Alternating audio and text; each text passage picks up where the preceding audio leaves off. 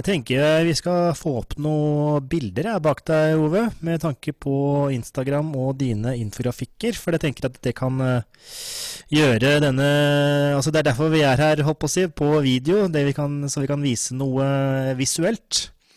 Og du har jo laget en powerpoint uh, med dine infografikker. Ålreit. Yes. Da. Um, da, ser dere, da ser dere riktig? Ja, det stemmer. Ja.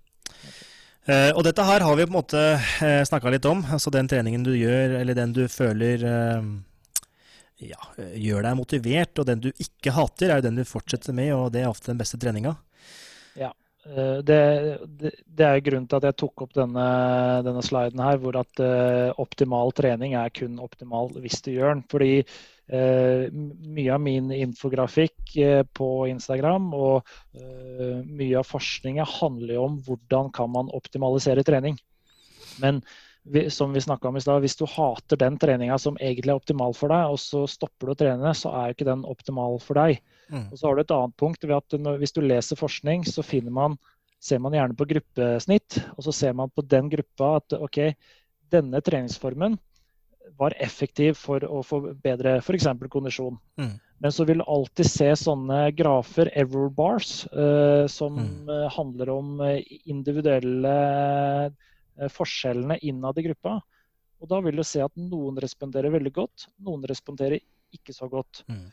Og de som ikke responderer så godt, der må man kanskje gjøre en justering, selv om forskninga viser at det skal fungere. Mm, mm. Men uh, det fungerer nødvendigvis ikke alltid for deg. Så mm. Derfor så tenker jeg at man, selv om man leser forskning, formidler forskning, så må man være åpen for individuelle pasninger, tilpasninger. Mm, mm. Og det, det, tenker jeg er viktig. Ja. Det er i hvert fall noe jeg opplever blant eh, studenter, og meg sjøl når jeg var eh, hva skal jeg si, poststudent, holdt på å si.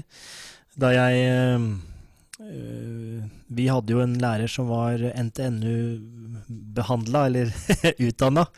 Eh, der det var veldig Altså fire ganger fire, det var det. altså Både på styrke og utholdenhet. Og når du da går ut som masterstudent og tenker at da er svaret det er fire ganger fire i styrke og half squat og 90-95% av maks hjertefrekvens, og det er svaret på alt. Så da blir litt, du blir litt jernvaska. Uh, så det er viktig at uh, det du sier, er veldig viktig. What, uh, you might as well keep a microphone. Why is that? Like, why does that work over here? Most people I know go, yeah, I'm probably going to mix it up. Like you said, people just do four sets of four bench, four sets of four minutes running, four sets of 400 meters. det kan vel kanskje ha med at uh, enkelte av lærerne ønsker kanskje å promotere sin egen forskning, i hvert fall i dette tilfellet. Og det skjønner jeg jo til en viss måte, men da blir man kanskje en mer mer en uh, preacher enn en uh, formidler av objektiv data. Um, og da kommer man kanskje ut som en student og tror at uh, dette er det beste, dette er det verste. type svart-hvitt tankegang. Og det er jo uheldig. Og der har vi lærere en jobb å gjøre hele tida, der vi på en måte ja, ok, vi har den forskningen som viser det og det, men det er faktisk også noen funn som strider med mine funn. Altså at vi presenterer det på en objektiv måte det er jo det er en eh, litt sånn skummel vei, det å gå fra å være en uh, god forsker til å bli en guru.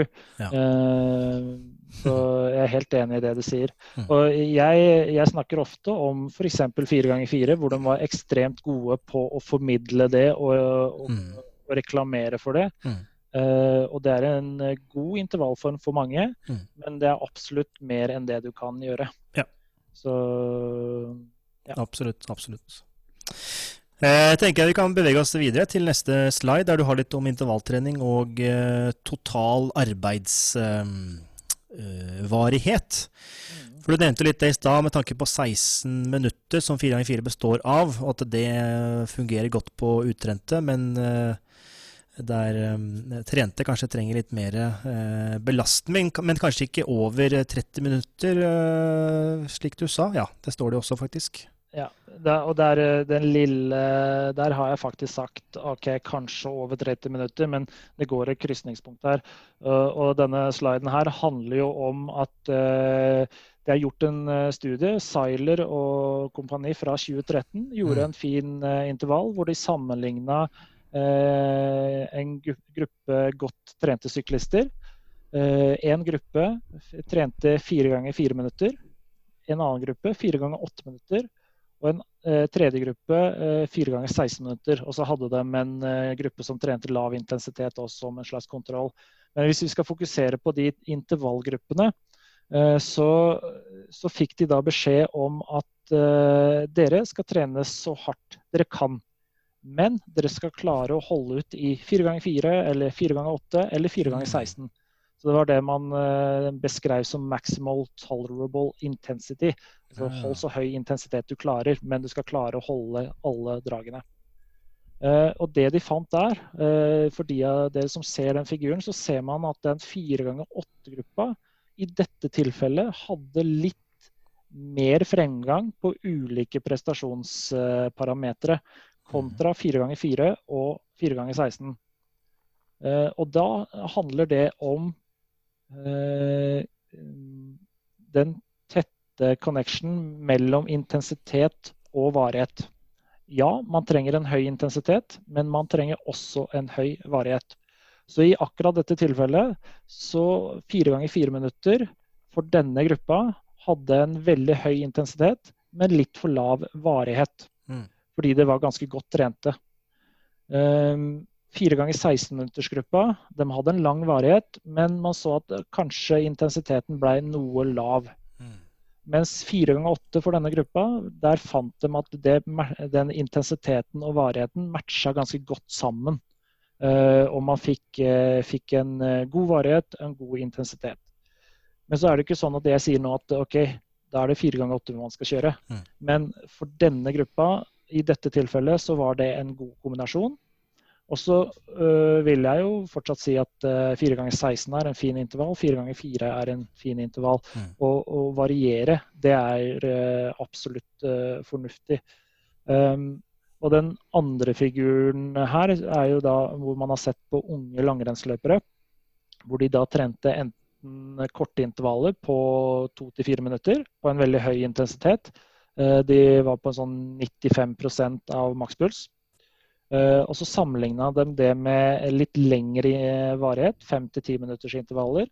Eh, på, så endte de opp på sånn røftlig 90% av makspuls. Og så gjorde de det over en periode, to ganger i uka. Og så så man at de lange intervallene, de som trente de lange intervallene, hadde bedre fremgang på noen prestasjonsparametere. Mm. Eh, så der igjen så handla det om kombinasjonen av intensitet og varighet. At uh, man må designe gode, gode økter som uh, tar høyde for det å både få en god varighet og en god intensitet hvis kondisjonen er viktig. Eh, men så må jeg påpeke igjen at en eh, variasjon av type intervaller kan være fint. Jeg sier ikke at man skal trene masse forskjellige intervaller, men at man fint kan variere litt. Så eh, hvis man tar eksemplene som har vært oppe her, så kan man gjerne kjøre intervaller på fire minutter, to-tre minutter. Men man kan også kjøre opp mot 16 minutter. Så det handler litt om målsetningene. Mm. Men man må designe gode økter som tar hensyn til det målet man har. og Hvis målet er kondisjon, så må man ha en eh, lang varighet på gjerne over 90% men man får også effekt av 85% Igjen, det er ikke noen cutoffer her. Uh, så, det, ja, så, det, handler om, litt om det, da. Ja. I den seilerstudien, uh, husker du hva intensiteten var på de ulike gruppene? For det må vel ha måte variert litt? Mm. Ja, det gjorde det. Og svaret er nei. Men, eh, men eh, det var noe fire eh, nå, den, den, hadde jo da den høyeste pulsen. Mm, mm. Og grunnen til det er at man, hvis man tar gjennomsnittspulsen av over fire minutter, så bruker man litt tid på å komme opp i, i intensitet, og pulsen vil øke over tid. og Derfor så vil da, uh, man underestimere da den pulsen man har på fire ganger fire minutter. Men det var sånn, litt samme som i den, første, den langrennsstudien, at uh, fire ganger fire var godt over 90% og så var fire ganger åtte sånn røftlig 90, og så var uh, fire ganger 16 litt under 90. da. Ja. eh, uten at jeg husker de eksakte tallene. Så ganske tungt uh, uavhengig varighet, egentlig. Ja, ja. Ja, ja. Og den 4 ganger 16 er jo det vi snakka litt om i stad. Det er sånn type sånn terskelintervall. da. Så hvis målet er å øke enten varighet eller intensitet på terskel, så er det kjempegod økt. Men hvis du bare gjør det, så ser man på de ulike prestasjonsparameterne at eh, det er ikke fordelaktig da, hvis man velger én økt og kjører den kontinuerlig. Mm. Men det er også noe av problemet med sånne studier, at det nødvendigvis ikke alltid gjenspeiler eh, virkeligheten. Mm. For i virkeligheten så kjører man ikke enten 4 ganger 16 eller enten Mm. 4 ganger 8. Ikke sant? Man har noen økter så har man mål om å jobbe litt rundt terskel. Andre økter har man mål om å jobbe mer mot kondisjon. Og så andre økter igjen har man mål om å jobbe på en veldig lav intensitet over tid. Og det er det ikke alltid disse studiene gjenspeiler på en god måte. da. Mm, mm. Og I have a question before you Sure. pop in, Matthew. Um, kan du si noe om hvorfor er 4 ganger 8 bedre? Du sa litt om at det var en perfekt eh, kombinasjon av både volum og intensitet, men er det da um, der du um, Hva skal jeg si? Uh, nå bare gjetter jeg på en måte litt faglig. Uh, men er det der du har lengst tid med høyest slagvolum? Slagvolum eh, fylles jo på en re, relativt lav intensitet. da. Eh, Ja, for det er eh, Ja, der, der, der er jeg av en annen skole, i hvert fall det jeg har lært. da. For der viste jo de lærerne jeg hadde på, i, i Bø, da, eh, at ja, tidligere forskning viser at eh, det flates av en 70-80% av maks hjertefrekvens, men når vi ser på eh, litt bedre trente utøvere, så er slagvolum og hjertefrekvens de følger hverandre linært helt opp til maks intensitet. Mm. Så har det noe med det å gjøre? For det, det, ja, dette var jo godt trente utøvere, eller var dette utrente? Dette var godt trente, ja. Ja. Mm. Så har det noe med det å gjøre, tror du, eller? Det er, det er nesten flaut å ikke kunne svare godt på det, fordi det er, føles ut som et spørsmål man skal ha svar på som fysiolog. og det, Kanskje det er noen som har bedre svar på enn meg òg, men jeg er jaggu ikke helt sikker. Eh, det er nok en miks av eh, faktorer her som spiller inn. Mm. Eh, Holder man en høyere intensitet, så bruker man jo litt mer av muskulaturen f.eks. Eh, trener med flere eh, deler av muskulaturen, type 2-fibre. Eh, Slagvolum kan ha noe med det å gjøre. Og, Mm. Så mm, det er nok et litt sånn komplekst eh, bilde som eh, jeg ikke eh, klarer å forklare på en enkel måte, nei. Nei, men det, altså eh, Det er viktig å på en måte hva skal jeg si, være ydmyk der man kan være ydmyk. Og man får jo ofte spørsmål i en forelesningssal eh, fra studenter, og noen ganger så må jeg bare si jeg veit ikke. Fordi det er bedre å si veit ikke noen ganger, enn å prøve å svare noe helt eh, ut av det blå. Så jeg tenker at det er fornuftig. Matthew, you had a question? Yeah, I just I was just going to ask about. I hope you've not said it while I've been trying to solve a Zoom problem. Um, how how does this, or how do you see it fitting in relation to peripheral and central adaptations? in terms of, is it kind of a set distance, set duration um, for peripheral adaptations, and then the same um, the same concept for central adaptations, or is it not as simple as that?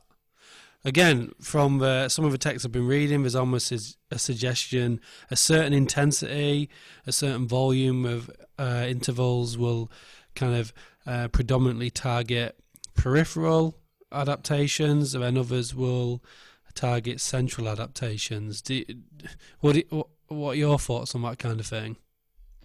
Ja, det, det er jo Det du nevner der, er jo det som ofte går igjennom. eh, Eller går igjen, mener jeg. Eh, Holder man på lenge, så tenker man at det kanskje påvirker eh, perifere faktorer som muskulaturen i mer større grad. Bygger nye blodårer og mitokondrier. Øker volum og antall mitokondrier. Og jeg sa feil i stad. Kapillærer. Mm. Nettverket av kapillærer. Og bygger eh, volum og antall mitokondrier.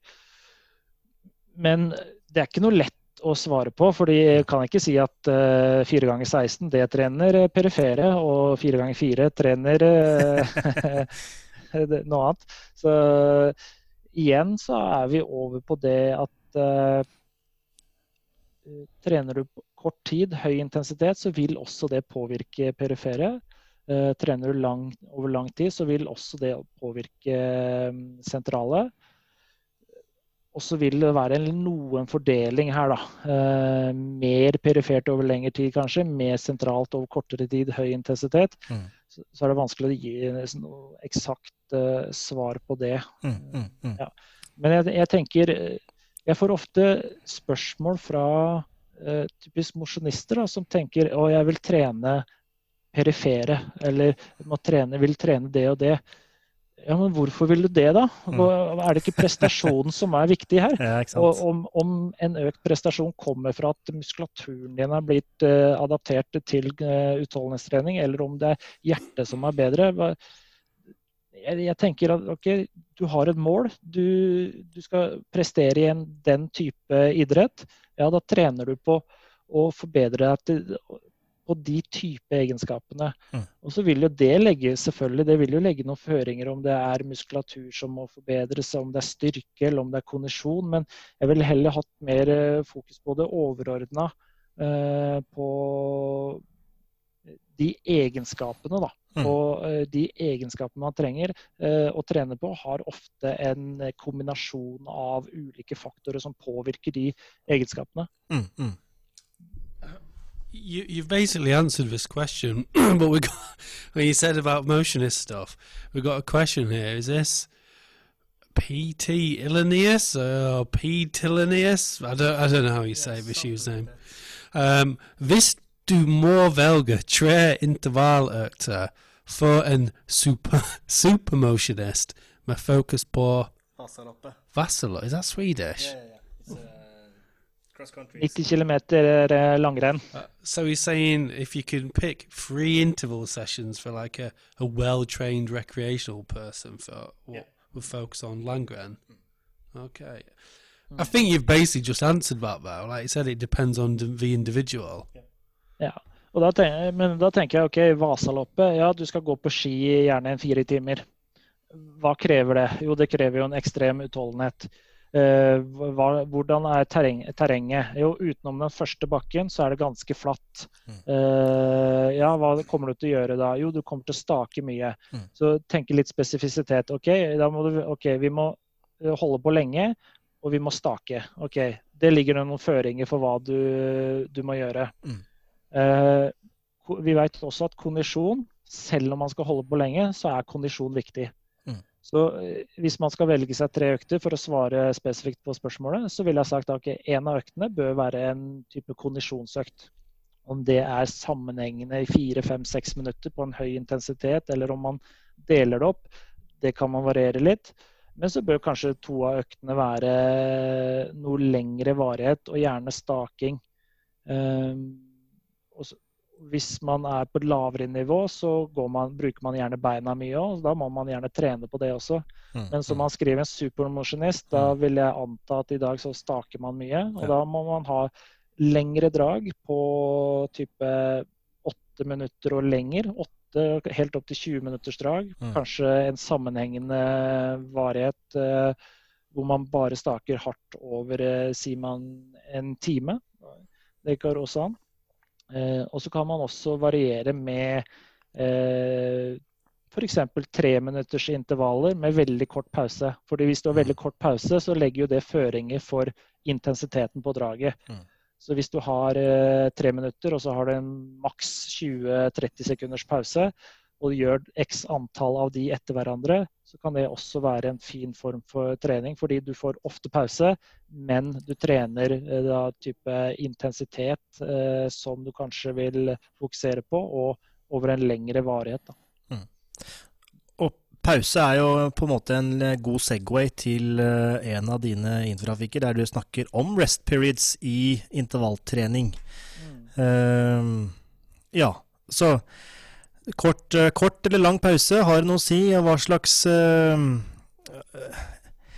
effekt er det vi får av en kort pause versus lang pause? Altså, uh, hvis jeg skulle løpt intervaller, så ville jeg gjerne ha mer enn to minutter, for ellers så klarer, klarer ikke jeg å komme meg igjen. Ja. Men da, da er jo neste spørsmål fra meg er jo da uh, hvor høy intensitet hadde du på draget før pausen? Fordi hvis du ikke kommer deg til to minutter, ja, kanskje du har løpt for hardt på draget, da. Ja, riktig. Så, så Alt er jo hardt for meg, så jeg, jeg er styrkeløfter, så alt over ti sekunder arbeid, det er jo Ja, ikke sant. Ja. Nei, så, men jeg har jo, jeg har jo starta med en sånn eh, Jeg har jo to slides her på det med pause. Og så har jeg da jeg starter med denne sliden her hvor jeg snakker om work to rest ratio. Altså arbeid til hvile-ratioen. Mm. Uh, og det er gjerne på kortintervaller. da. Eh, man har kanskje hørt om 30-15-intervall, hvor man jobber hardt i 30 sekunder, så har man 15 sekunders pause. Eh, og så er jo da denne ratioen her mellom arbeid til hvile, den er, mener jeg er litt viktig. Eh, 30-15-intervall, det er jo da et 2-til-1-ratio. Altså man jobber dobbelt så lenge som man har pause. Eh, og så har man ulike varianter av det, men poenget mitt er at eh, jeg foretrekker 2-til-1-ratio. Andre ratio kan fungere, men eh, gjerne høyere ratio. Altså f.eks. 3-til-1-ratio. Det er at man har tre ganger så lang arbeidstid som pause. Mm. Eh, hvis du begynner med 1-til-1-ratio, så vil man se at man har gjerne Pausen blir for lang i forhold til arbeidstida. Eh, og dermed eh, så kommer man aldri helt opp i intensitet fordi man faller for mye i pausen. Så dette gjelder da kortintervall. Og Ja, riktig. Mm. eh, en da sånn 2-til-1-ratio på kortintervall intervall mener jeg er en fin start, da, selv om andre ratioer kan eh, fungere godt. Mm. Uh, ja. Mm. Mm. Fordi, eh, som jeg nevnte litt i stad også, å bruke tid til det å styre intensitet er et fint verktøy i seg sjøl. Og her bruker man jo da en eh, sånn ratio eh, til å styre intensiteten ved at en 2-til-1-ratio kan fungere godt. 1-til-1-ratio, da må man jobbe veldig hardt under draget for at eh, pausen ikke skal bli for lang og man dropper i, eh, puls f.eks. It's kind of related, just because you mentioned, or we talking about ratios. I've got a question here. Hollingen? Hollingen? Is that it? Uh, finnes det studier på acute chronic workload ratio og løping utholdenhetstrening? I doubt it, but uh, I don't know if you've read anything to do with this, Over. Eh, jeg har ikke sett det, nei. Ehm, det, er, det er en sånn ratio som primært handler om eh, lagidretter. Eh, og den acute corneric ratio handler jo om det at eh, det handler mer om monitorering av eh, belastning over tid, hvor da eh, den akutt er gjerne gjennomsnittlig treningsbelastning over én uke, sammenligna med den gjennomsnittlige belastninga gjennom en periode på tre til seks uker. Og så man, kan man si noe om at den ratioen, om den er høy, så har man større skaderisiko. Hvis den er lav, så har man mindre skaderisiko. Men eh, på individuelle eh, utholdenhetsidretter har jeg ikke sett noe på det. Samtidig så tenker jeg at den kanskje ikke er så relevant for individuelle idretter heller. Eh, Med lagidretter så har du, som vi snakka om i stad, har hele tida retningsforandringer. Høy belastning, impact ved disse start, stopp, retningsforandringer. Og så behandler man, og så trener man gjerne som gruppe som helhet. Mens med individuelle idretter så har man mye større mulighet til å justere intensiteten sin. Man kan variere bevegelsesmønstre. Man kan sykle en dag, man kan løpe en dag. Eh, og sånn i en periodiseringsperspektiv så tenker jeg at den ratioen som man har funnet i forskning retta mot team, kanskje ikke fungerer så godt for individuelle idretter. Fordi du kan trene veldig mye en uke i kondisjonsidretter uten at det nødvendigvis har noe høyere skaderisiko. Fordi du har ikke disse retningsforandringene, den høye impacten på muskulaturen, på skjelett. eh, Og du kan justere arbeidsmetoder. da. Så, Mm. så det var et langt svar på at nei, jeg har ikke lest noe på, på løping eller kondisjonsidretter. It was a long answer, but it was a good one, and uh, I think you made a really good point there. Like, you just, I don't think there'd be any need to do that because of how easily it's to control kind of individualized training.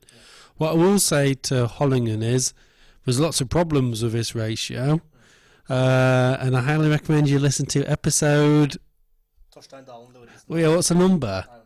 Yeah, li- listen to Torstein talk about that in his episode uh, in extensive detail. But yeah, lots of problems with that current. Well, there's lots of things. If you go on Twitter, there's a lot of debate as to whether it's even worth it. But I think we can all conclude that it wouldn't really be worth using in any way for individual endurance sports. Nah. Jeg har i hvert fall ikke brukt det sjøl, og jeg kommer nok ikke til å bruke det videre heller.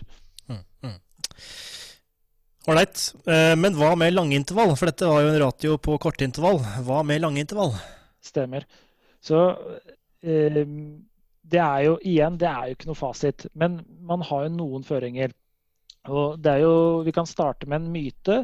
Eh, det er jo at når man har kjørt inn i intervall, så må man for all del bevege seg i pausen. Sånn at laktatnivåene går fortere ned, og man blir klar til neste intervall. Men det vi ser, er at eh, ja, eh, laktaten går fortere ned ved bevegelse. Men det igjen har ingen sammenheng på prestasjonen på neste intervall. Så det at du må bevege deg, det, det trenger du rett og slett ikke. Eh, personlig så foretrekker jeg å bevege meg litt. Men du kan eh, gjerne bare sette deg ned og så starte igjen på intervall. Men det man ofte ser, er at uh, opplevelsen i starten av neste drag da blir litt mer kjip, fordi det er litt tyngre å komme i gang. Men prestasjonen i seg sjøl er fortsatt lik. Mm. Uh, så, så da med tanke på intensitet i pausen på langintervall, så ville jeg sagt at ok, hvis fokuset ditt er litt sånn mer sånn tidseffektiv intervall, eller en mer sånn terskelfokus, så gjerne hold Mm. deg i bevegelse. Eh, også hva, hvor høy intensitet det er, men fra lett jogg til litt kjappere jogg eller sykkel, hva det måtte være. Men hvis fokuset ditt er på kondisjon, ja, så så hold den intensiteten veldig lav i pausene, slik at du kan fokusere på å holde en høy intensitet under sjølve draget. Mm. Når det gjelder ja, Eh, vil ikke de som har en aktiv pause, uh, få et også større volum? Jo, det er jo et veldig godt poeng. Så hvis du, sam hvis du holder deg i aktivitet i pausene, så er det akkurat som du sier, du får litt større volum. Si du løper inn til en intervall, og du løper 200 meter i, i hver pause, så vil jo det over tid akkumulere seg. Uh, Så det er absolutt et godt poeng. Mm. Men hvis det fører til at de 200 meterne du løper, gjør at du eh, presterer litt dårligere på draget, og målet ditt er en forbedra kondisjon gjennom å trene veldig høy intensitet på Mm. selve draget, da må man, eh, må man tenke seg litt om hva er, eh, hva er fordelaktig, da. Mm, mm, mm. Ja, det var godt å høre at jeg kan hvile mellom draga. Det, Ja, det, det kan du med god samvittighet. For jeg har også lært dette med hold deg aktivitet og laktat og det som er. Ehm, men uh, ja, vær så god. Når det gjelder det, hvor lenge man skal ha en pause, da, så er jo som sagt det er ikke noe fasit. Men jeg har, jeg har jo mine meninger. Uh, og igjen, Seiler gjorde en studie i, tilbake i 2005 hvor de da så på da eh, seks ganger fire minutters intervall. Så gjorde de det fire ganger, hvor den ene gangen så hadde de en pause på ett minutt. Andre gangen to minutter, så fire minutters pause. Og siste gangen de trente den seks ganger fire minutters intervallen, så fikk de velge sjøl hvor lang pause de ville ha. De fikk ikke lov til å se tida, men de fikk beskjed om å starte igjen når de følte seg klar til å løpe. Og igjen så var beskjeden til utøverne du skal løpe så langt du klarer totalt sett i løpet av alle dragene. Så sto de på sida av mølla og hvilte under pausen. Så kom så langt du klarer på disse seks dragene av fire minutter. Mm, mm. Så uh, det de så, er at uh, når du økte pausen fra ett til to minutter, så løp de litt fortere. Eh, Mm. når de økte pausen fra to til fire minutter, så økte de ikke eh, hastigheten, eller de kom ikke noe lenger når pausen økte fra to til fire minutter. Men målte de RPE? Gikk RPE-en i så fall ned? RP1, så vidt jeg husker, var ganske lik, ja. Ja, ok. Eh, så, og så ser man OK, fra ett til to minutter eh, så økte prestasjonen, men O2-opptaket Nå husker jeg ikke det reelle tallet, men jeg tror det var 1,5 Mm. Det vil jo si at det er ganske, det er ganske marginalt. da. Mm. Så hvis du har liten tid en gang, Mm. eh, du skal gjøre en tidseffektiv økt, Mm. så ville jeg sagt at OK, ett minutt holder. Mm, ja. Hvis du vil da ha en mer sånn optimalisert økt for kondisjon, så kanskje du skal vurdere da rundt to minutter. Eh, hvis du øker til fire minutter, så ser man ikke at det vil påvirke eh, prestasjonen på neste drag noe bedre. Mm. Så var det spørsmål om den eh, selvvalgte pausen. da. Eh, når de utøverne fikk velge sjøl, uten å se på tida, Mm. så følte de seg klar igjen til å løpe på 118 sekunder, som er da veldig nært to minutter. Mm. Så man følte seg klar igjen etter to minutter. Så jeg ville sagt at hvis du kjører langintervall, eh, så ville jeg ville jeg ikke sagt at du trenger noe særlig mer enn to-to og et halvt minutts eh, pause. Eh, hvis du føler du trenger mer enn det, så ta deg lengre tid. Men det sier kanskje også noe om at innsatsen på draget i forkant var kanskje noe høy, hvis du trenger mer enn det. Mm. Mm. Så da kan man kanskje justere, justere arbeidet litt under draget, rett og slett. Da. Hva tror du hadde skjedd hvis du hadde økt fra øh, fire til seks og seks til åtte? Hadde det vært noe forskjell der, eller blir det for øh, Jeg, tror, jeg tror nok kanskje ikke det. For fire minutter i denne sammenhengen på den intensiteten, det er ganske lenge. Ja. Hvis, vi snakker, hvis vi hadde snakka om eh, liksom, mer sånn to til tre minutter med maks innsats, med et stort anaropt bidrag, mm, mm. da ville nok kanskje ha mer å si, fordi de systemene der tar enda lengre tid å restituere.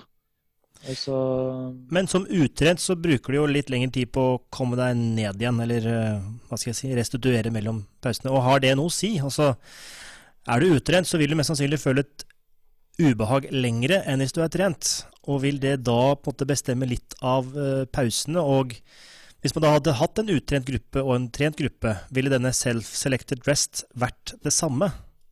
Tror du? Ja, det er et godt spørsmål. Eh, Det kan godt hende det er som du sier, eh, at den ville være noe lenger. Mm. Eh, Det, det handler nok litt om uh, utrente. At uh, f.eks. de hadde løpt litt uh, hardt på draget da, følte at de trenger litt lengre pause. Mm. Så Det handler jo om uh, intervalltrening. er jo en læring, det òg. Lære seg gode intervalløkter. Mm.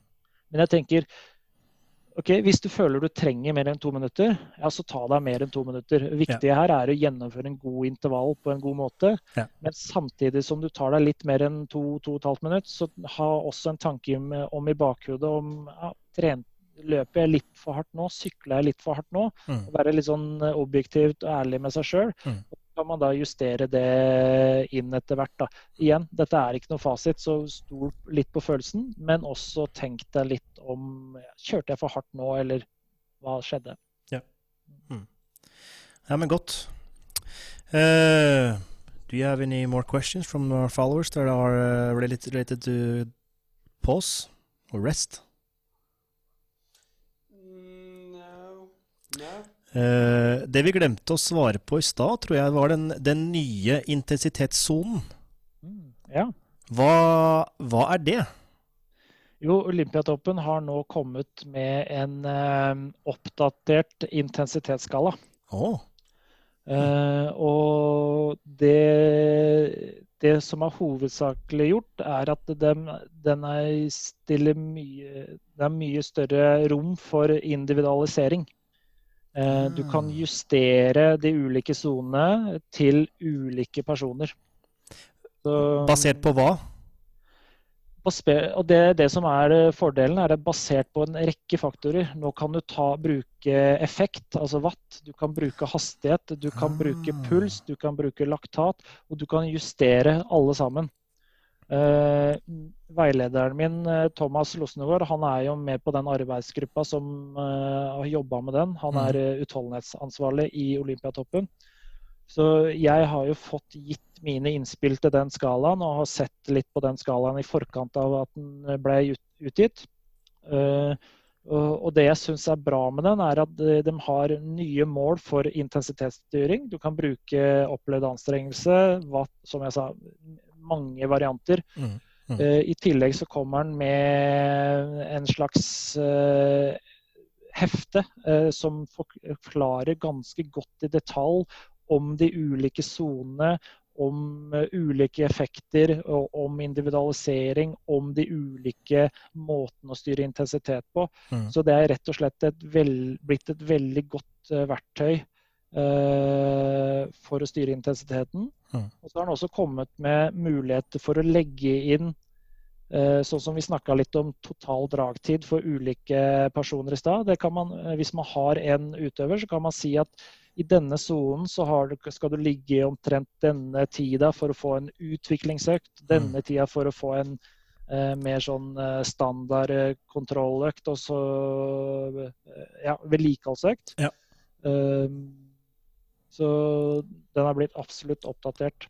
Så har jeg gitt innspill da på om at det, det er jo en eh, femdelt eh, arob-skala, og så går den jo, har man jo noen flere anarobe soner. Mm. Mm. Men jeg har gitt innspill på om at jeg kunne tenkt meg at man har muligheten for å kollapse ned til en tredelt skala, eh, som i mange mm. tilfeller eh, holder. I tillegg så savner jeg litt den sykkelspesifikke hvor man kan eh, Når man lager eh, skala ut fra puls, så skriver man jo inn makspulsen sin, Ja. og så justerer sonene seg sånn prosentvis deretter. Mm. Det ønsker jeg også på hvis man har tatt en test og man veit vatten sin, å sette inn sånn referanseverdi på wattmålingene, slik at sonene justerer seg etter den referanseverdien også på eh, andre, andre måter enn kun puls. Da. Men er det da du snakker om eh, maximum aerobic power? MAP? Ja, det med MAP, det er jo da eh, en, en sånn type referanseverdi man kunne satt. da. Og maximal aerobic power er jo den effekten du klarer å tråkke på når du Den laveste effekten du klarer å tråkke på, men likevel oppnå VO2 max innenfor en rimelighetens tid. Ja, sånn, ja. Mm. Uh, og det kunne vært én referansetid. Og så har han kanskje hørt om sånn FTP-testing eller terskeltesting. Mm. Det også vært en sånn variant av en referanseverdi som man eh, satte inn, og så kunne man trent over og under den referanseverdien f.eks. Men tenker du da at man skal plotte inn høyest øh, oppnådde watt?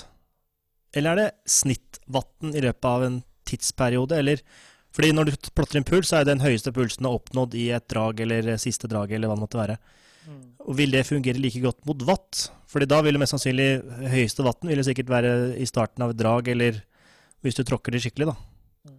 Hvis man skal gjøre det ordentlig riktig, så kjører man eh, en rekke sånn submaksimale eh, drag, og så ekstrapolerer man den, eh, de verdiene oppover da til sin VO2 max. Litt sånn litt avansert variant. Men hvis man gjør det enkelt, så ville jeg bare sagt kjør så hardt du kan i fem eller seks minutter. Jeg for mine utøvere har jeg valgt fem minutter. Mm. Snittvatten der inn der, Ja. det er det ganske likt det vi kaller MAP. Maximal Aerobic Power. Riktig. Eh, så det snittet og at den ville hatt som en referanseverdi der òg. Ja. I don't know if I'm going to ask. Well, I'm, I'm, I'm going to say it. I, I just, I've never understood all this zone stuff. Like, I don't know why uh, Olympia Toppen or anywhere uh, is prescribing zones, especially when everything gets adjusted. Isn't it just like heart rate, RPE, lactate, ventilatory thresholds, speed, distance? It, it's all individual. I, don't know. Is it just another thing where people like the the concrete uh, thing? Yeah, I don't. I don't. I don't get it. I don't get it. I don't think I'll ever understand this idea of like zones, like because you know what's hard, you know what's easy, you know what's in between that. Like, what what does it add? I don't know. Det, det er derfor jeg kunne tenkt meg en sånn kollapsing ned til en tredelt eh, skala for de som ikke er så avanserte. Men for avanserte utholdenhetsutøvere så er en Mm. femdelt skala veldig godt. Fordi de kjenner veldig godt på de forskjellige sonene. Eh, også som vi sa i stad, om det ligger i høy sone 5, eh, sone 4 eller lav sone 5. Har det forskjellig effekt? Det Antageligvis ikke. Men Ja. man, kan, eh, man har en bedre kontroll på uh, intensiteten, og derav kan man monitorere det utover uh, i treningsplanen sin og, og dagboka si. Så jeg tenker det Jeg, fra min bakgrunn, tenker det er veldig fornuftig. Men jeg er helt enig i at uh, femdels skala, det trenger man ikke Det er ikke veldig mange som trenger det, da. Mm, mm, Man, mm. eh, som du sier, Matt, så det er det, du veit hva som er rolig, du veit hva som er sånn middels hardt, og du veit hva som er hardt. Ja. Ja. Det har jeg for så vidt en slide på etterpå også. But st it, it's still zones. no, Yeah. but I, I wouldn't I wouldn't use zones. I just use like heart rate. Do you know what I mean? It's a bit like with these running zones in team sports, like jogging, walking, high intensity running. I just think we're now at a stage where we can individualize stuff so well. We don't we don't really need this stuff. Yeah, yeah, yeah. I think it's an oversimplification. Yeah. That's just that's just me. I, I maybe because I'm not an endurance kind of dude. I don't I don't I don't see the need for it when we've got so many other stable measures, including our own perception of effort. Mm, mm, mm. Det handler, det, jeg tenker det handler også litt om kommunikasjon fra en trener til en utøver. Det, det er lettere å si at eh, du skal ligge i sone fire enn løp hardt i fire ganger seks minutter, eller hva det måtte være. Du har noe mer å forholde seg til. Mm. Det er som du sa i stad, at eh, folk liker det å ha noe mer konkret å forholde seg til. Mm. Eh, og fordelen eh, med den nye skalaen er jo nettopp det å kunne individualisere Mm. skalaen. Mm. Tidligere skala så syns jeg var eh, mange, veldig mange brukte den, men jeg tenker den var eh, relevant for veldig få. Men eh, nå kan man faktisk justere det, og man kan velge seg de ulike verktøyene man vil forholde seg til. Så kan man justere de alle til seg sjøl. Så jeg, jeg tenker det er nå en, eh, en, eh, et fint eh, verktøy. Men igjen så, så er jeg Jeg forstår absolutt hva Matt sier, og, og tankegangen rundt det. I think my mate just my, my main beef with it is um, obviously there's some extremely uh, educated, extremely experienced practitioners at Olympia top, I think I just find it odd that this governing body releases something and everyone just like, yep, that has to be true. I, I, I find that odd, like where I, I don't know, maybe it's cultural difference. It's like I feel like when this stuff gets shared, people don't disseminate it in a way where they should be saying, "Look, it's obviously open to critique." It's almost like, "Oh, the, uh, the big boys in the ivory tower have said this. Use it. Don't question it." I'm not saying the people who design this stuff. uh, Obviously, you, you've been involved yourself.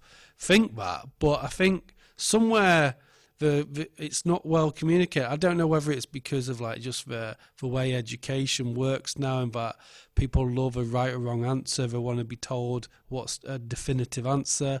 But I feel like these things don't really get well critiqued. Like when I teach, I try to say this is just an example. It's a model. It's one framework. It's not the framework. And I feel like sometimes when I've read stuff from Olympia top and uh, this might be pretty controversial, but it's like this is this is the one. This is this is what you use.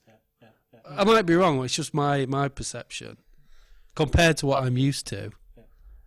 Bare starte med at eh, jeg har ikke vært involvert i den eh, planen, så jeg skal ikke ta på meg noe av æren. Jeg har bare sett den og så kommet med noen få innspill på slutten. Mm. Men eh, eh, jeg deler jo det du, den opplevelsen du sier der. Fordi den gamle Olympiatoppskalaen, den føler jeg den har nok skapt mer problemer enn nytte, nesten.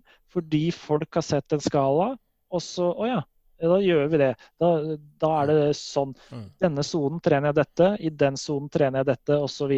Mm. Eh, og det har aldri vært eh, intensjonen til Olympiatoppen, men de har vært for dårlige til å kommunisere det ut. Mm. Fordi dette var en skala som eh, var ment for å hjelpe toppidrettsutøvere. Olympiatoppen jobber kun med toppidrettsutøvere, mm. men de har delt skalaen. Og så har de ikke vært flinke nok til å si at, uh, til alle mosjonister som ser skalaen, at dette må individualiseres. og den den er nødvendigvis ikke god for alle, men det er en slags framework for oss her oppe. Mm, mm, mm. Det de har tatt konsekvensen av i den nye eh, skalaen, er at eh, ja, det kommer til å være veldig mange flere enn Olympiatoppen, eh, toppens utøvere, som bruker den. Derfor er også eh, det mye større fleksibilitet til å individualisere og den, den informasjonsheftet eller boka som følger med, den, den, er veldig god. Så jeg anbefaler alle, å, eh, alle, som er interessert i å lese mer om intensitetsstyring og hvordan det påvirker kroppen, til å lese den. For den er eh, fin og informerer på en god måte. Så Olympiatoppen har rett og slett tatt seg det at de må kommunisere bedre hva denne skalaen er til for, og at den faktisk når ut til alle mosjonister, eh, og mosjonister ønsker å bruke den. Eh, selv om Olympiatoppen jobber for toppidrettsutøvere. Mm, mm, mm. So we, we need to, me, I suppose all of us involved in teaching so maybe we need to work on this as well in terms of not trying to present I me personally I don't like to present any ideas like a, a gold standard model because it always depends. So maybe uh, for the higher educate higher educators, for, for teachers involved in higher education, maybe need to think like, how are we actually presenting this information? Are we presenting it like it's the answer, or are we presenting it as if it's just one perspective? Like I'm having that challenge now when talking about strength training, and I think some people are right. So do do I do a box jump for this reason, or, and I only do a squat for another reason? Well, no, it depends on how fast you move a bar, what load you have, um, how many reps you do, how often you do it. It's like, all right, so squat isn't a strength exercise. Is it a power exercise? Like, well, no, it depends. uh, I find this like the same thing sometimes. Right, I have to do zone four. Oh, I, well, I don't know. I don't know. Ålreit. Du har noen flere infrafikker du ønsker å vise oss, og vi er jo litt inne på praten egentlig når det kommer til eh, eh, soner uh, og intensitetsstyring. Ja. Uh, og vi har jo snakket en del om RPE, uh, som du på en måte viser her, sammen med hjertefrekvens. Men vi har jo også laktat og watt og distanse og tid, og på en måte Burde alle brukes? Er det en kombinasjon som burde brukes av tre stykker, eller kan man forholde seg til én? Er det en best en? Eh, Osv. Ja, eh, det er liksom tilbake igjen til at jeg ønsker en skala som kan kollapses fra fem ned til tre soner. Mm. Eh, hvor man da Den skalaen jeg presenterer her, er jo eh, en type tredelsskala eh, som er lett, moderat og hardt arbeid. Eh, hvor man da bruker puls, opplevd anstrengelse, og en etter min mening undervurdert metode for å styre intensitet. Det er da kalles ventilasjonsmetoden, eller snakkemetoden. Mm, mm, mm. Um, og sånn som på puls så kan jo lett sone være type 60-75% men igjen slingringsmonn. Eh, moderat 75-85 og hardt da 85-95 5% av maks. Men igjen, eh, poenget mitt med en tredelt skala er at man, man, trenger ikke alle disse små sonene.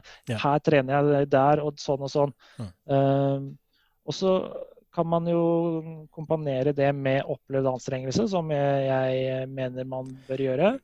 Uh, Utfordringa med opplevd anstrengelse er at det er vanskelig å dele det nøyaktig inn i soner, spesielt ved lett trening. Så lett trening har jeg sagt at det er én til tre. Men hvis jeg skal utfordre meg sjøl, okay, hva om du trener eh, lett intensitet, men du gjør det over seks timer? Ja. Det vil føles fryktelig tungt, og Mm. på skalaen så vil det være godt oppi kanskje moderat eller hard sone, selv om Ja. intensiteten er lav. Ja. Så man har jo utfordringer her, men dette er tanke på sånn normal eh, i gåsetegn eh, trening, da. Mm, mm, mm. Eh, moderat trening på RP kan være sånn type midt på skalaen ish, fire til seks, og så er hardt sju til ni, Mm. f.eks. Merk at jeg har ikke sagt eh, Jeg, jeg sier ikke at eh, skalaen går eh, på hard 1 til 10, nei 7 til 10, mener jeg. Eh, Det kan gjerne gjøre, men som en generell hovedregel så ville jeg kanskje holdt meg unna disse maksimale eh, tøffeste øktene. Da det, det gir eh, lengre restitusjonstid, men nødvendigvis ikke like stor eh, økende, økt effekt, da, selv om du pusher det lille ekstra. Men hvis man er uh, mosjonist og man konkurrerer i mosjonistkonkurranser, vil ikke konkurransen da, kanskje ikke hele løpet, men i hvert fall slutten, antar jeg, eh, komme opp i tid? Og burde man da ikke ha en spesifikk trening som går på dette med konkurranse, og dermed ha noen treninger som går opp til ti? Kanskje ikke hele, men i hvert fall deler. Mm. Jo, folk flest tror jeg ikke konkurrerer, men som du sier, så er det mange som konkurrerer. Og absolutt, eh, vi, alle utøverne mine har økter hvor de er oppe på ti og liksom kjenner virkelig på det. Men det er veldig få økter, og det er eh, ganske spesifikt inn mot sesong, egentlig. Fordi det, det tar litt ekstra restitusjonstid, og når, hvis man trener mye, så, så trenger man eh, restitusjonstida til å komme seg hjem. Mm. Men hvis man trener sjeldent og liker å ta seg helt ut, så kjør på. Ja. eh, Så lenge du har eh, restitusjonstid. Ja, ja, ja. Eh, Og det, det bringer meg jo litt over til denne slide, den venstre delen av uh, sliden her, hvor man, hvis man rangerer øktene etter hvor harde de skal være, så er det, er det ikke sånn at man trenger å ta seg helt ut hver gang. Som vi snakka om i stad, legge seg på en eh, prøve å ende opp en sånn RP8-ish. Alternativt at man gjør en intervall, og man kan eh, kanskje pushe ett til to drag til på samme intensitet hvis man skal ta seg helt ut. Da har man litt å gå på, men man får fortsatt en god effekt. Eh, Men på disse tre intensitetssonene så er jo den undervurderte formen jeg snakka om, det er jo den snakkemetoden, eller den ventilasjonsmetoden. Hvor da at eh, man skal hvis man trener lett, så skal man kunne prate med sidemannen sin hvis man trener med noen. Man skal kunne prate ganske normalt. Puste litt ekstra, men eh, ikke sånn å hive etter pusten. Mm. Eh, hvis man trener moderat eller sånn terskeltyp, så kan man maks snakke to-tre setninger sammenhengende før man må hive litt ekstra etter pusten. Eh, og i en sånn høyintensitet, eh, hard sone, så skal man maks si noen få ord om gangen da, hvis man absolutt må snakke. Eh, da. Eh, hvis du kan snakke mer enn en setning, så kanskje du har for lav intensitet. Mm. Så det er ikke noe eksakt inndeling av soner, men det er en veldig god hjelper til å, til å styre intensiteten, da, denne snakkemetoden. Ja, ja, absolutt. Og er den, er den validert?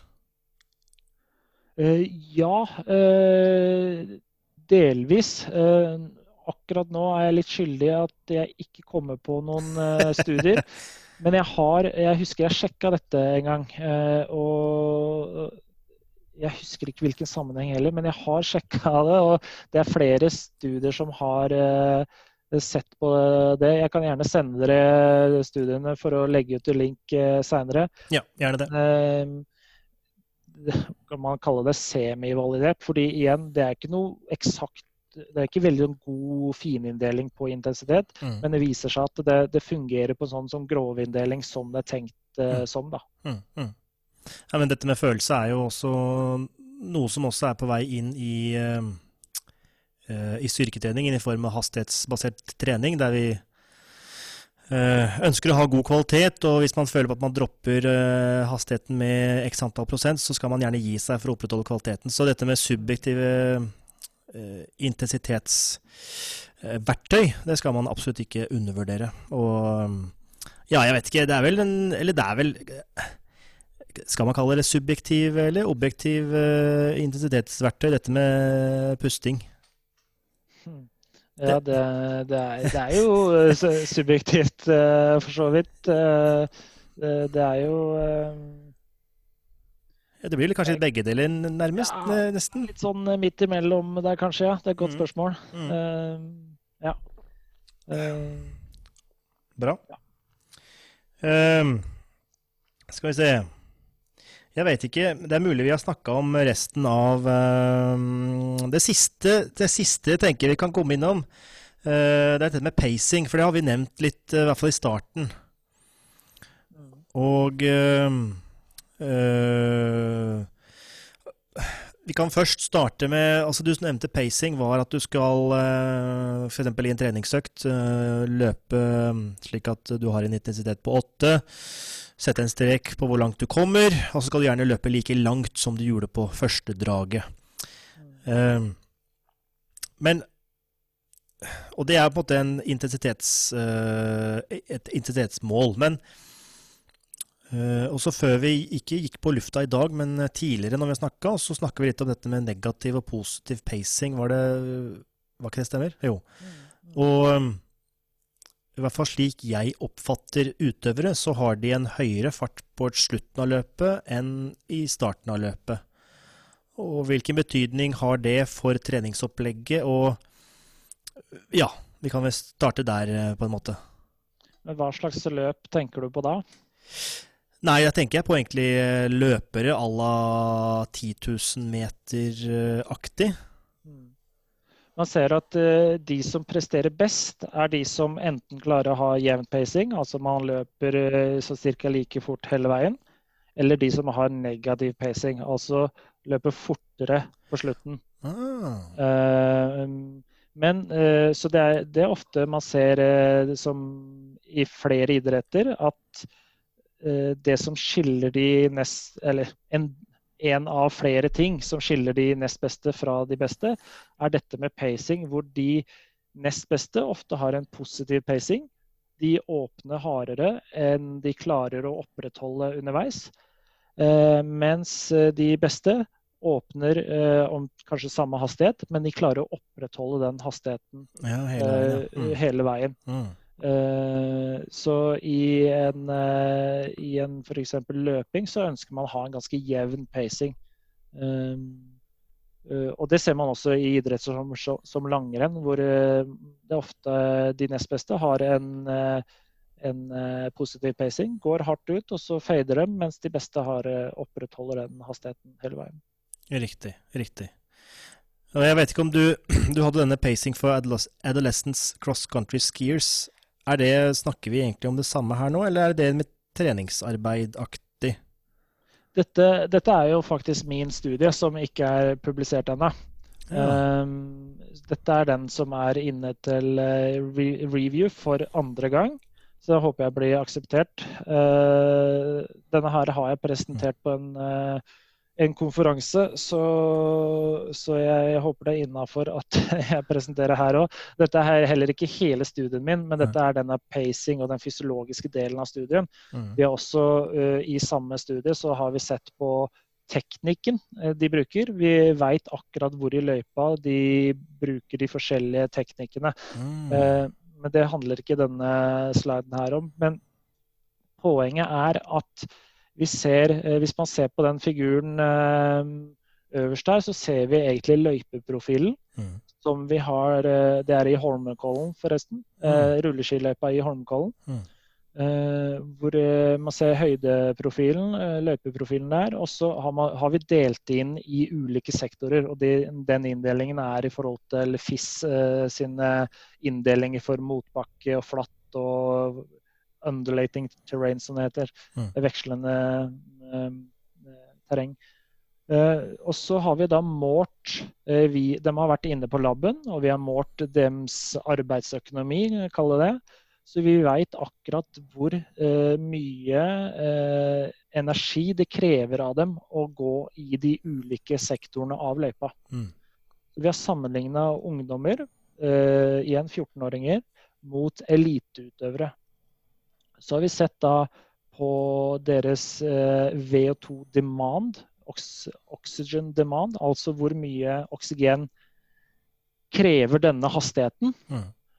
Og for de av dem som ser denne figuren, så er det, de punktene er jo da gjennomsnittshastigheten for de ulike sektorene. Og man ser kanskje at de ligger godt over 100% i eh, motbakkene. Mm, mm, Så ligger man eh, rett i underkant av 100% i flatene. Så kan man si ja, men går det an å ligge over 100% Ja, nei.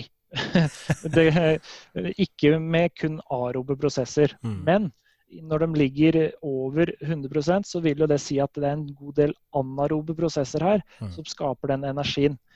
Så i alle motbakker så har man en ganske høy anarob eh, del av arbeidet, Mm. mens man da kommer seg igjen i nedoverbakkene. Mm. Så hvis vi ser løypa over helhet, så har unge langrennsløpere har omtrent eh, den samme eh, VO2 demand, altså oksygenkravet, eh, gjennom løypa. Men de eh, fire, skal vi si, en, to, tre, fire første segmentene i starten, der ser vi at de unge dem trøkker til litt ekstra kontra eliteløperne. Mm. Så disse unge løperne kan det se ut som har en positiv pacing, som vi også finner igjen eh, til eh, i andre studier, eh, hvor at uerfarne og litt mindre gode utøvere har åpna hardt, og så fader dem ut mens de beste klarer å holde seg. da. Ah, Så det unge utøvere kan lære litt eh, av, det er å kanskje begrense seg litt i starten, for så å da prøve å pushe på utover i løypa. Riktig. Riktig. Ja. Og dette her er også overførbart til andre uh, idretter som du uh, nevnte i stad, i hvert fall til løping, var det du nevnte. Ja, man har sett det i skøyter, man har sett det i langrenn, løp, så i flere idretter, ja. Så det handler litt om det å lære seg å justere og kontrollere intensiteten under konkurranse. Da. Så det er en lærings, eh, eh, læringsdel av det. Men har dette med alder å gjøre, eller har det med uh, arob kapasitet, eller på en måte hvor god form du er i? Det har nok med alder og erfaring. Ja, ja. Eh, Du kan jo, men ikke nødvendigvis alder i seg sjøl, fordi du kan jo være en gammel, uerfaren person. Mm. Men, så det handler kanskje mest om erfaring. Men eh, er du 14 år, så har du ofte mindre erfaring enn en aktiv 25-åring. Ja. Så det henger jo litt sammen, da. Fint. Uh, have we taken all the questions from the followers? Um, no, we've got a few. We've got a, we've got a few that I think can be answered quite quickly. In fact, I'm going to answer one of these. Um, Henrik F- Farstadvold. Hvor lenge tror du jeg kan og sykling? Er junior, jeg er, oh, jeg er junior i idrettene nå. I'd say just do both, so long as you enjoy it. It doesn't really matter. And that's probably not the answer he's uh, expecting, but it depends on how young he is. But I would, I don't know what what Uwe's going to say, but I would say, look, don't worry about it. Do what you enjoy. Do it as much as possible. Um, sample as many sports as possible. Like, I'm not sure how old uh, this uh, lad is. If he's like 15, 16, I would just say do as much as you can for as long as you can. Um, does anybody in this uh, chat disagree with that? I'm not sure.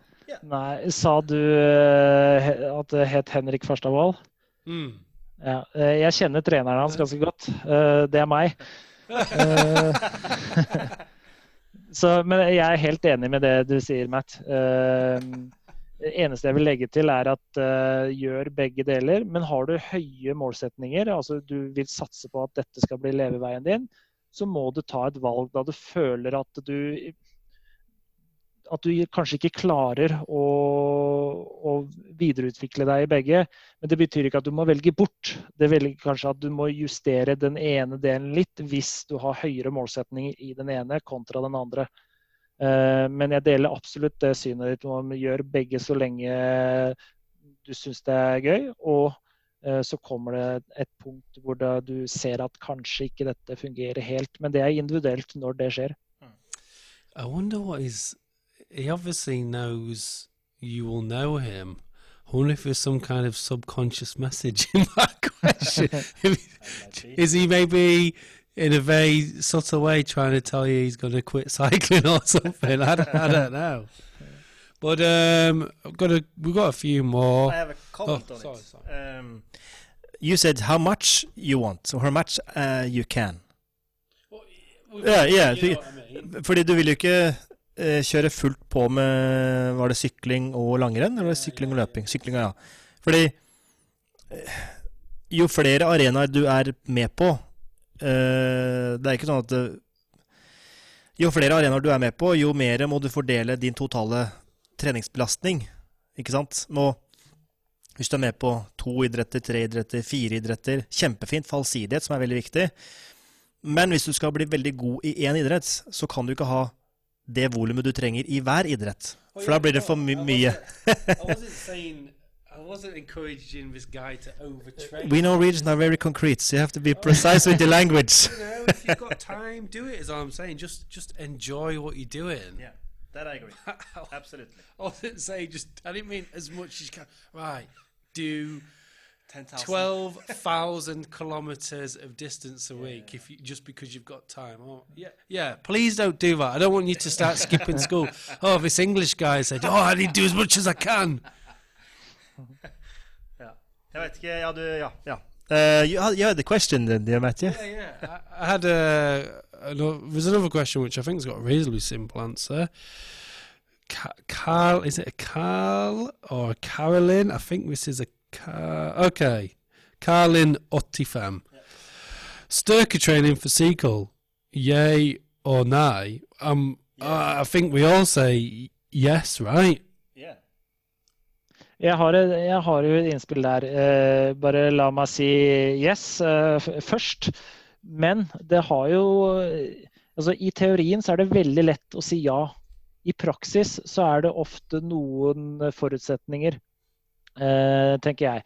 Eh, Det ene er eh, Det fins noen som er veldig sterke. Så jeg tenker opp til et visst nivå så skal man trene styrke. Er man veldig sterk for en kondisjonsidrett, så får man kanskje ikke noe mer utbytte av eh, å trene videre styrke.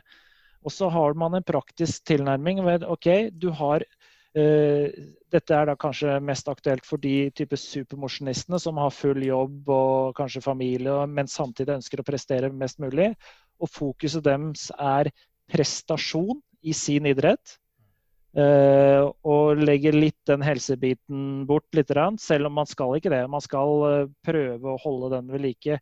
Men for noen utøvere så eh, Styrketrening vil gå utover eh, treninga i noen sammenhenger. Kanskje man ikke får tid til alt. Eh, så noen ganger så er det praktisk vanskelig å legge inn så mye styrketrening som man teoretisk eh, sett ønsker. Men eh, la det være helt klart at både helsemessig og prestasjonsmessig er det positivt med styrketrening. Eh, Så sant vi får satt inn et godt system. Og det er ikke alltid like enkelt. Da. I hvert fall ikke i forhold til hva, man, hva som er optimalt eh, sett, som, som jeg har snakka om tidligere. Same guy. Hvordan vurderer du sterkt nok? Ja, det er et godt spørsmål. Eh, det, der har jeg ikke noen konkrete mål. Det har jeg ikke. Eh, Men jeg har bare hatt én utøver som jeg syns ja, Kanskje to som utøvere som jeg syns har vært sterke nok. Men Mm.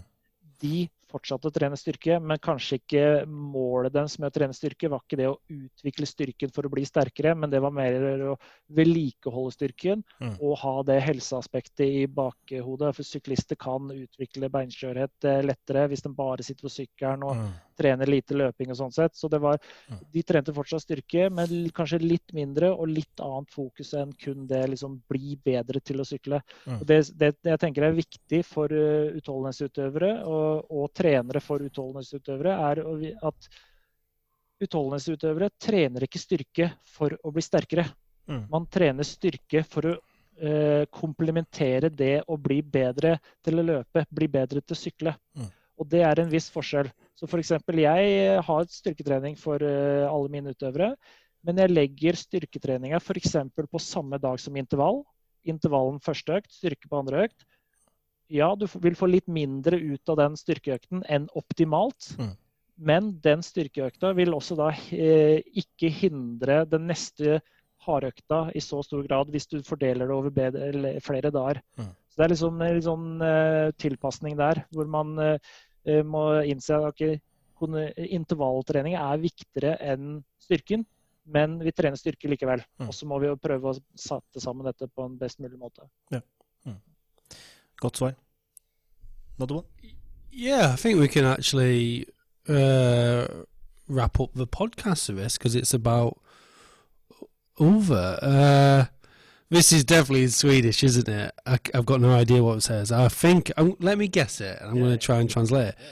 Varför vill han jobba inom forskning eller vad tycker han om jobbet? I think that means, is he gonna, will he carry on working in research or work something else? Why does he work? Oh, is that varför? Oh, yeah.